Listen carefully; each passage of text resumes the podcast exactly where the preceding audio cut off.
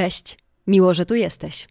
Zanim włączysz odcinek, mam taką małą prośbę. Podziel się ze mną kilkoma sekundami swojego cennego czasu i oceń mój podcast w aplikacji Spotify lub Apple Podcast, wystawiając mu odpowiednią liczbę gwiazdek. Możesz też go zasubskrybować, co będzie dla mnie jeszcze milsze i pozwoli mi dotrzeć do szerszego grona odbiorców. A jeżeli chcesz mi uprzyjemnić montaże kolejnych odcinków, możesz postawić mi kawę w serwisie Buy Coffee. Link wrzucam w opisie. Dziękuję.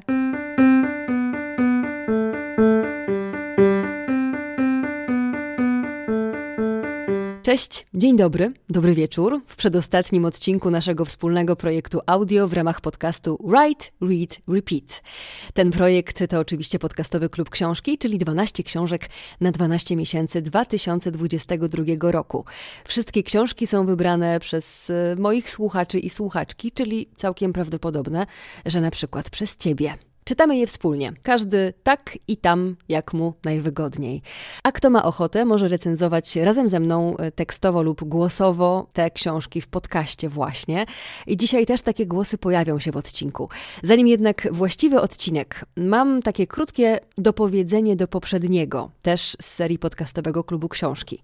Poprzedni odcinek opowiadał o książce Sylwii Plath Szklany klosz. I podczas tego odcinka narodziła mi się w głowie myśl, pytanie, dlaczego wydawnictwa, tak jak na przykład filmowe serwisy streamingowe, nie oznaczają w książkach, że jakieś treści mogą aktywować nieprzyjemne emocje. Bo na przykład książka opowiada o samobójstwie, zaburzeniach odżywiania, przemocy psychicznej, fizycznej itd., tak itd. Tak w odpowiedzi na ten odcinek dostałam wiadomość od Martyny, która dała mi znać, że Teatr Polski w Poznaniu stosuje właśnie tego typu oznaczenia. Oczywiście byłam bardzo ciekawa, więc prawie natychmiast weszłam na stronę internetową teatru, sprawdziłam, no i jestem pod ogromnym wrażeniem. Wyobraźcie sobie, że każdy spektakl jest tam dokładnie opisany, a pod opisem znajduje się taki żółty przycisk opatrzony tekstem oswojenie. Kiedy w niego klikniecie, trafiacie na podstronę, a tam można przeczytać. Sztuka budzi emocje, dlatego chcemy informować widzów i widzki o aspektach przedstawień,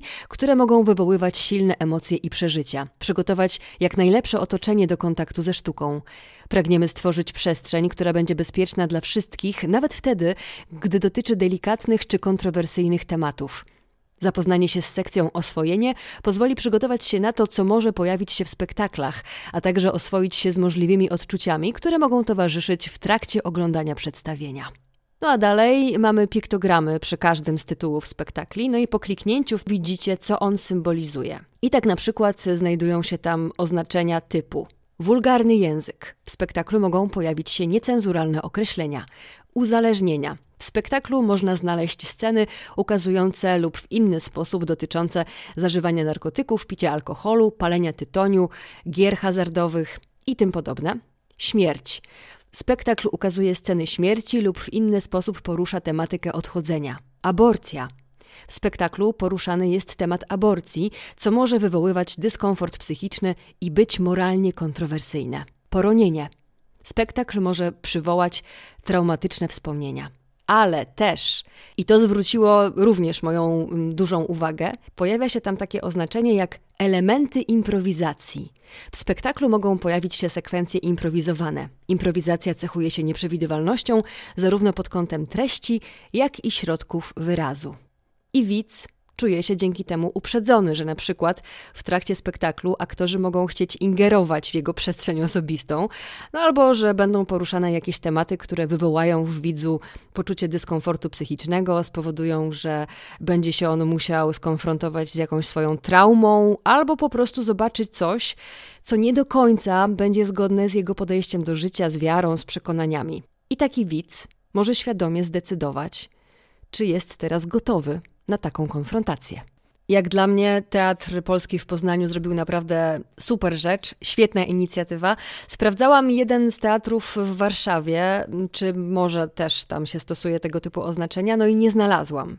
Jeżeli coś wiecie na ten temat, dajcie znać, chętnie się taką informacją również podzielę. Oczywiście podlinkuję Wam tę stronę Teatru Polskiego w Poznaniu w źródłach do tego odcinka.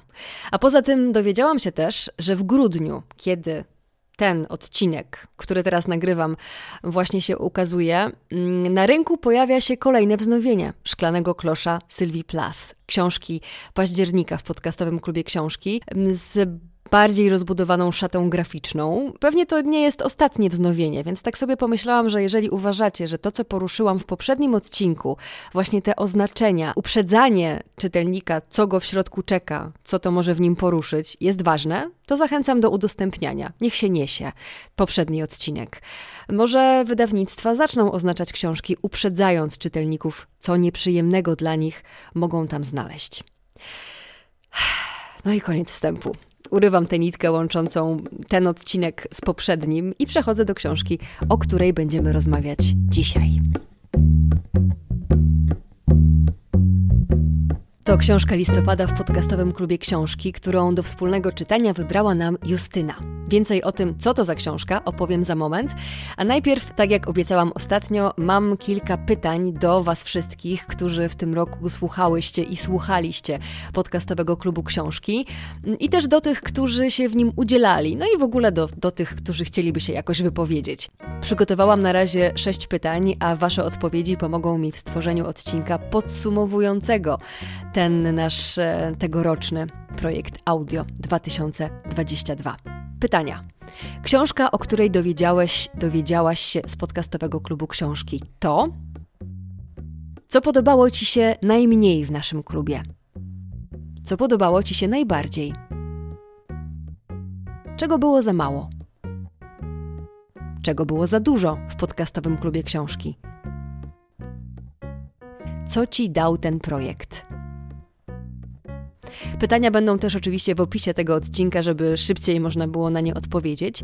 A swoje odpowiedzi wysyłajcie mailowo na adres rrr, tak jak write, read, repeat, rrr.kontakt. Z góry wielkie dzięki. A teraz lecimy do Brazylii.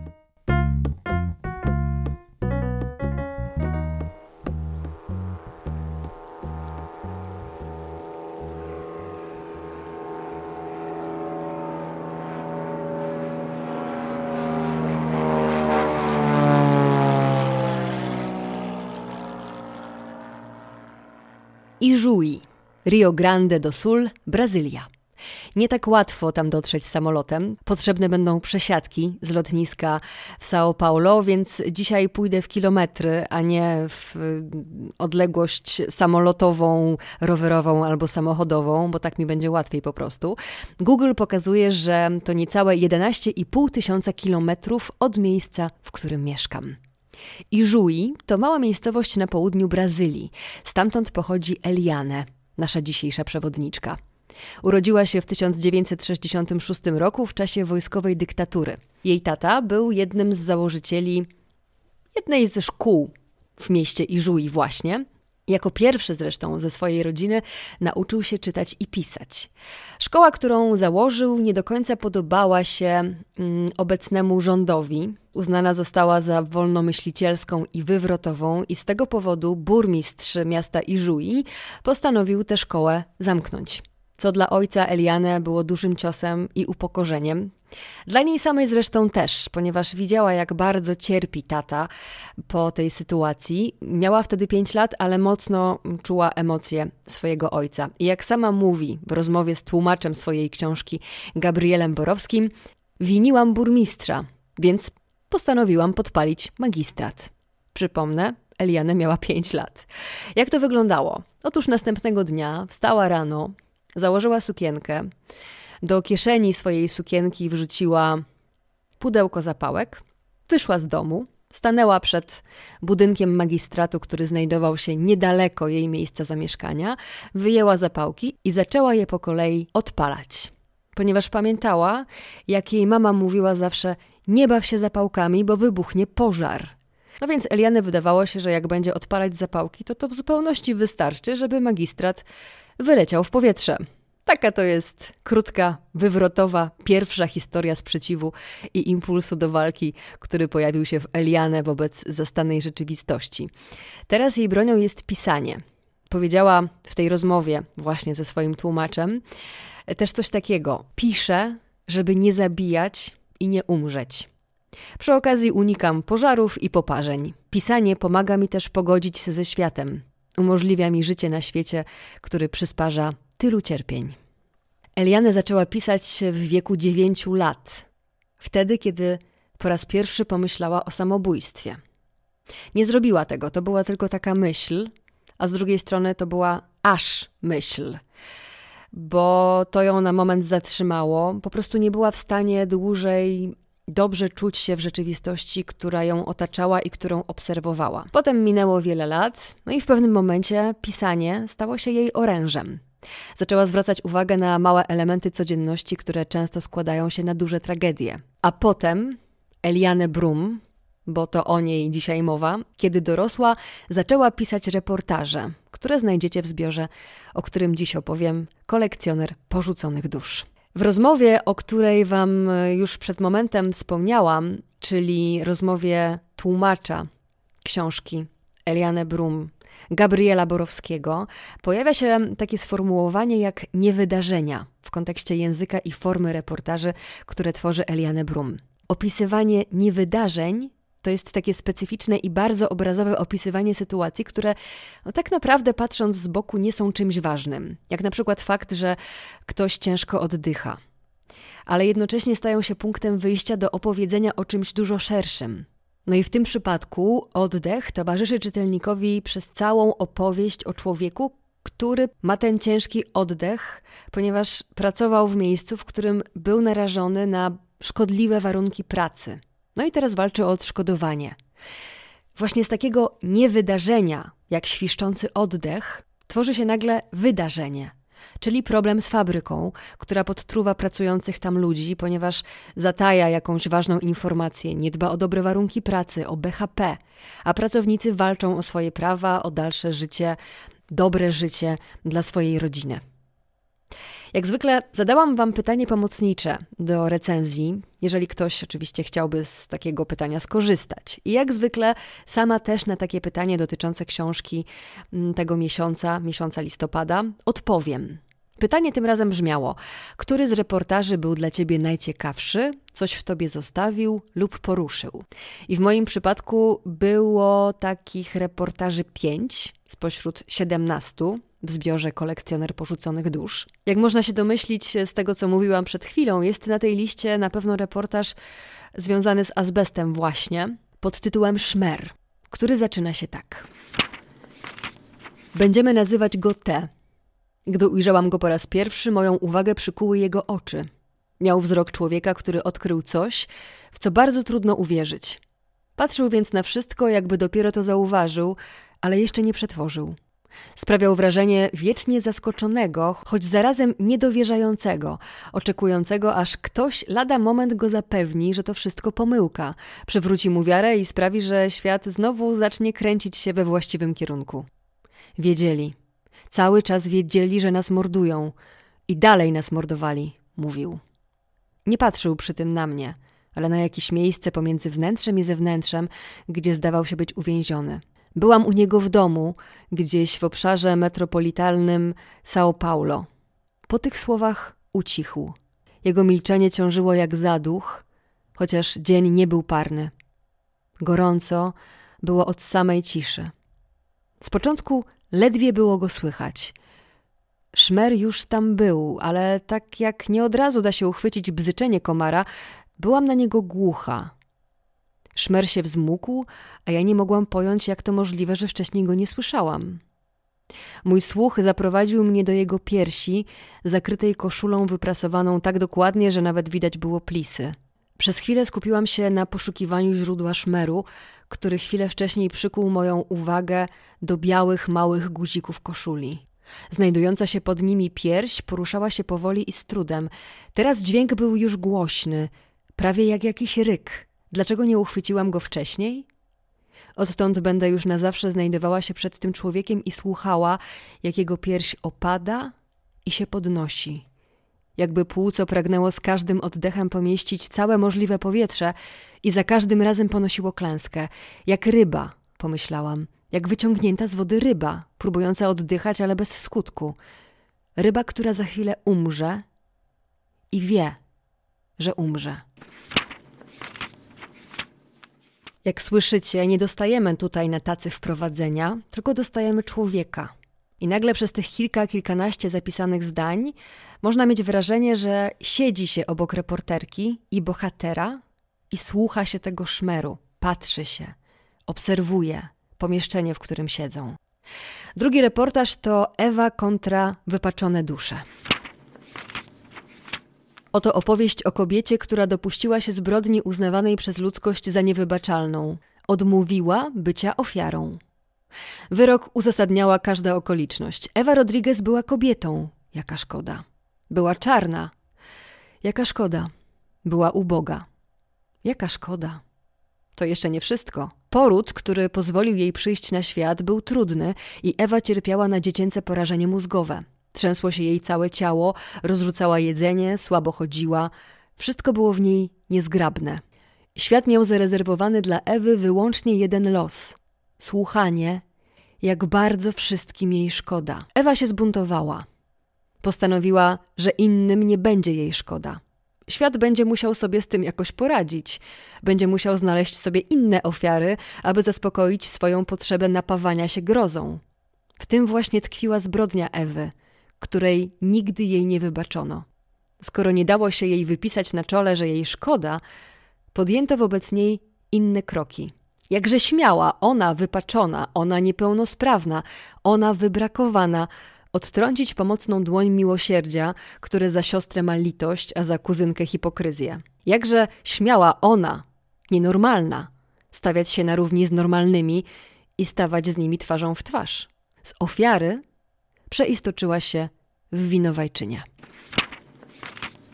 Duże wrażenie zrobił na mnie również reportaż dotyczący akuszerek w amazońskiej dżungli.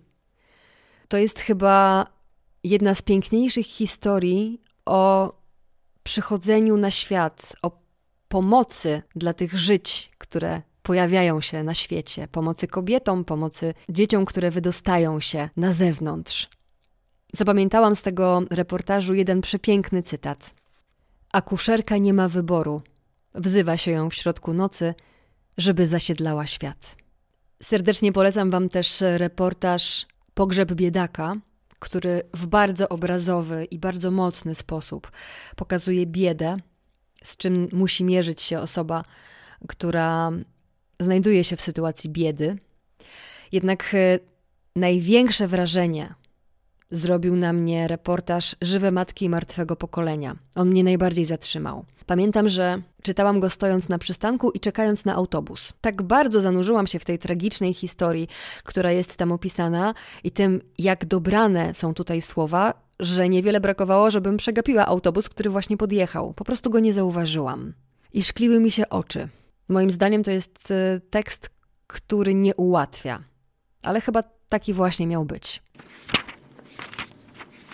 W żadnej mowie nie istnieje słowo określające kogoś, kto przeżył własne dziecko. Tego bólu nie może pomieścić nawet język. Styl żywych matek nie zna hiperboli. Słowa są dokładne, a chude zdania pozbawione naddatku. Selwina wydała na świat dwanaścioro dzieci. Czworo zginęło od kul. Nie ma pewności co z piątym, bo zniknęło. Pięcioro zmarło wskutek choroby. Pozostała jej dwójka – to arytmetyka utraty. Przyznam Wam się szczerze, że do tej pory nie miałam do czynienia z tego typu reportażami, taką krótką formą, najczęściej to jest raczej krótsza niż dłuższa forma, która nie skupia się wprost na wadze poruszanego problemu, ale próbuje go opowiedzieć przez wspomniane już wcześniej niewydarzenia. Jak to jest ubrane dostajemy takie koraliki rozsypane, które musimy sami nawlec na żyłkę, żeby nam z tego powstała jakaś sensowna bransoletka na przykład. I dopiero kiedy ona już powstaje, tak naprawdę na końcu widać całość. O tym, w jaki sposób Eliane Brum tworzy swoje reportaże, opowiem Wam za moment, mm, bo teraz czas na Wasze recenzje głosowe na temat książki Kolekcjoner porzuconych dusz, które dostałam drogą mailową. Najpierw Ania. Jest y, kilka reportaży, które po przeczytaniu kolekcjonera porzuconych y, dusz mam w pamięci i myślę, że przez dłuższy czas, jakiś czas będę je miała. Jednym z y, reportaży jest ostatni, tekst pod tytułem Karmicielka, w którym autorka towarzyszy kobiecie w ostatnich dniach życia. E, z tego reportażu najbardziej trafiły do mnie słowa o czasie i o tym, że jedyne co tak naprawdę mamy i co ma jakąś wartość, to jest czas. To pojawia się na końcu tego tekstu. I są jeszcze inne teksty, które jakoś do mnie przemówiły w tym czasie.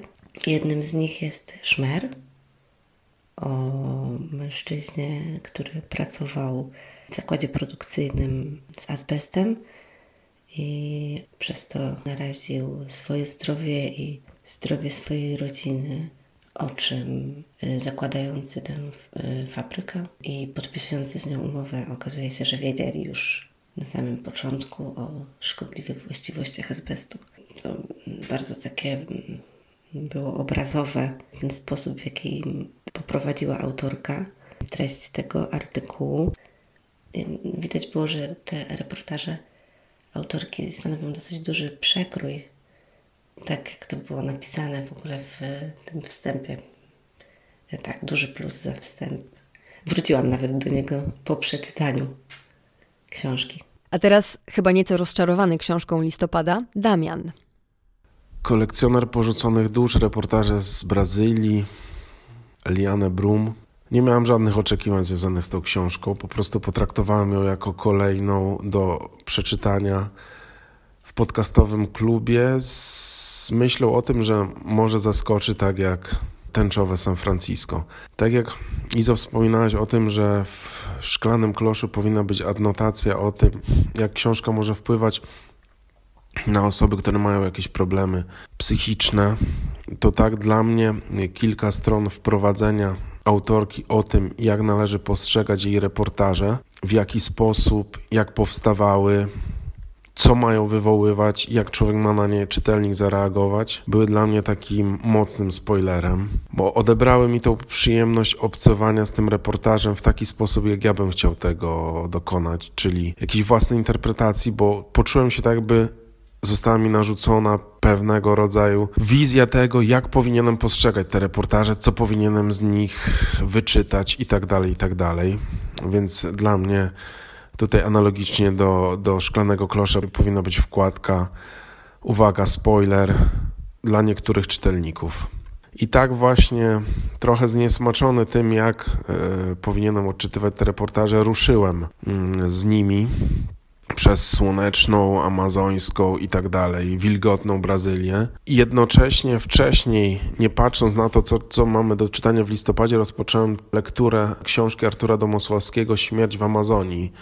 Jakoś tak się złożyło. Miałem pewne porównanie i reportaże Domosławskiego bardziej do mnie trafiły. Były dla mnie takie, no były tym, czego oczekuję od reportażu może trochę właśnie poruszony tym spoilerowaniem i tym, no, były wysubli- na pewno e, reportaże w kolekcjonerze porzuconych dusz są na wysokim poziomie literackim, są takie, może jakbym uduchowione, inne, ale mnie brakowało właśnie tego, może protestu, aktywności autorki, o, o której dobrze wiemy, że jest takowa, związana z sytuacją w Brazylii. No, a może się uprzedziłem tym spoilerem na początku, nie wiem. Te reportaże mnie nie poruszyły. Przeczytałem, niektóre były bardzo ciekawe, a niektóre po prostu odhaczyłem. To chyba wszystko. Wracam do, do śmierci w Amazonii i dziękuję za ten listopad. No a mnie właśnie ten wstęp, o którym Damian wspominał, zachwycił i bardzo mocno zachęcił do lektury. Zwłaszcza, że po otwarciu książki najpierw możemy przeczytać kilka słów od tłumacza, którego już tutaj przedstawiałam, Gabriela Borowskiego. Pisze on o tym, jak trudno było mu czasami znaleźć odpowiednie słowa po polsku dla tych w oryginalnym języku portugalskim. Muszę przyznać, że naprawdę y, bardzo ciekawie czyta się o takiej kuchni pracy tłumacza.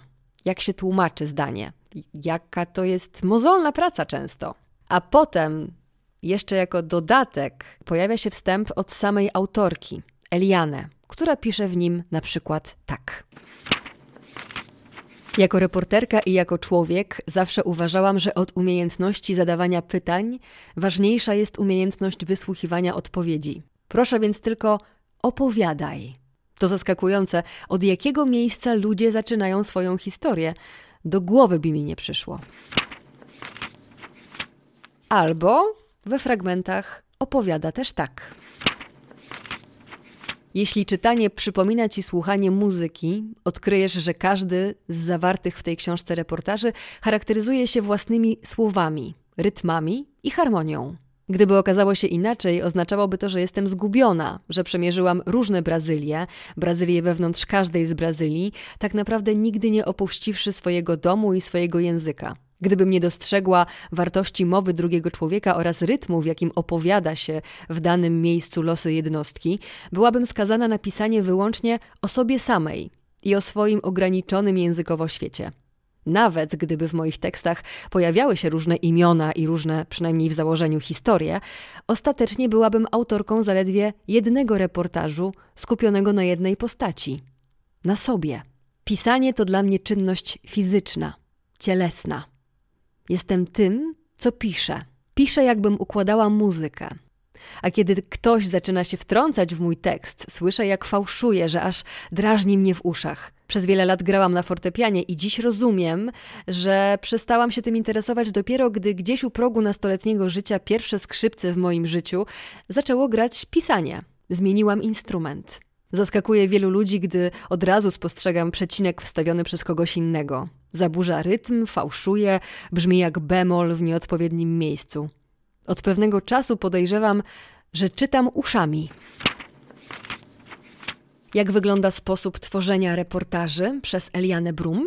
Nagrywa ona rozmowy na dwóch różnych urządzeniach, żeby przypadkiem nie stracić nagrania. Poza tym takie nagranie daje dokładność. Reporterka wie dokładnie, co zostało powiedziane. Ma to na taśmie, więc w tekście nie pojawiają się słowa, które wydawało jej się, że usłyszała albo zapamiętała, tylko faktycznie te słowa danego bohatera lub bohaterki. Potem siada, przepisuje całość, żeby mieć dokładną transkrypcję, a później dopisuje jakieś swoje skojarzenia, odczucia do całości tekstu i rozmowy. Forma reportaży Eliane Brum to tak naprawdę forma, którą tworzą bohaterowie. Ich sposób opisywania świata, ich ekspresja, język, słowa, których używają, szyk zdań, rytm wypowiedzi, ton, a czasami nawet milczenie, które, jak wiadomo, również zdarza się, że bardzo dużo mówi. W ogóle to jest bardzo ciekawe, mm, jak czułam się po skończeniu tej książki, bo miałam na początku takie bardzo mieszane uczucia, że reportaże są takie niektóre zwykłe, niektóre porażające, że ja w sumie nie wiem, czy będę coś z nich po czasie pamiętać, a potem minął miesiąc, minęły dwa miesiące.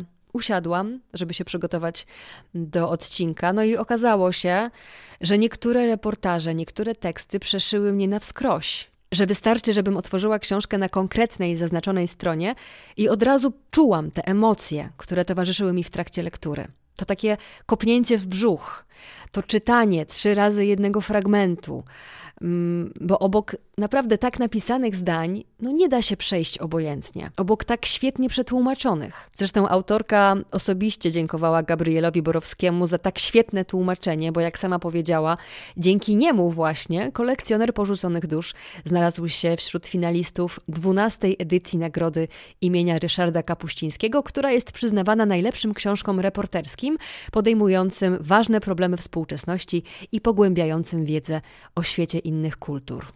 Czy reportaże z kolekcjonera porzuconych dusz są nierówne? No jasne. Ale nie da się chyba stworzyć zbioru reportaży na tak ważne i istotne tematy i jednocześnie sprawić, że każdy z tych reportaży będzie tak samo dojmujący, przeszywający, tak samo nas poruszy. To jest trochę tak jak z dobrym serialem. No nie każdy sezon ma taki sam poziom, a mimo to całość uważamy za wartościową. Oczywiście ja nie chcę porównywać filmowej fikcji fabularnej do realnych problemów ujętych w reportażach Eliane Brum. Chcę tylko pokazać, że każdy reportaż jest inny, tym bardziej jeżeli, tak jak to było w przypadku Eliane, piszemy go, będąc w różnych momentach swojego życia i w różnym wieku. To też ma duże znaczenie, o czym autorka uprzedza we wstępie. Zresztą możecie się sami przekonać, sięgając po jej książkę. Kolekcjoner porzuconych dusz Eliane Brum, wydawnictwo Uniwersytetu Jagiellońskiego. Zbiór reportaży niepublikowanych w języku portugalskim w formie książki. Tłumaczenie Gabriel Borowski. Redaktor inicjujący Mateusz Haberski. Redakcja Dorota Węgierska. Korekta Helena Piecuch. Skład i łamanie Hanna Wiechecka. Projekt okładki Agnieszka Winciorek. Jak można przeczytać na skrzydełkach e, książki, Eliane Brum to dziennikarka, dokumentalistka i autorka pięciu książek non-fiction. Laureatka ponad 40 nagród dziennikarskich w Brazylii. Publicystka dziennika El Pai, współpracuje też z Guardianem. Kolekcjoner porzuconych dusz to jej pierwsza książka wydana poza Brazylią. W czasie przygotowywania polskiego tłumaczenia Brum przebywała na statku Greenpeace płynącym na Antarktydę, opisując walkę ekologów z kryzysem klimatycznym. Eliane Brum jak nikt inny tłumaczy światu Brazylię, a Brazylijczykom ich samych. Jak nikt inny potrafi spleść w całość przemoc i poezję, niesprawiedliwość i piękno, ekstremalne wykluczenie i zwykłe życie. Tak o książce wypowiedziała się Aleksandra Lipczak, autorka Ludzi z Placu Słońca. Z kolei The New Yorker w recenzji napisał: Poetyckie i wciągające teksty Brum oddają chór wielu języków Brazylii, akuszerek z lasu deszczowego, mieszkańców domów starców i odciętych od świata plemion amazońskich. A sama autorka, czyli Eliane Brum, aktualnie, z tego co udało mi się znaleźć w internecie, mieszka właśnie w amazońskiej dżungli. Czas na ciągi dalsze, czyli lektury, teksty, podcasty, filmy, spektakle teatralne, w ogóle szeroko pojętą kulturę, która pozwala zgłębić temat poruszony w książce tej konkretnej, którą wspólnie dzisiaj recenzowaliśmy w podcastowym klubie książki. Tym razem będą dwie książki, jedna rozmowa na YouTubie i dwa filmy. Zaczynamy od książek.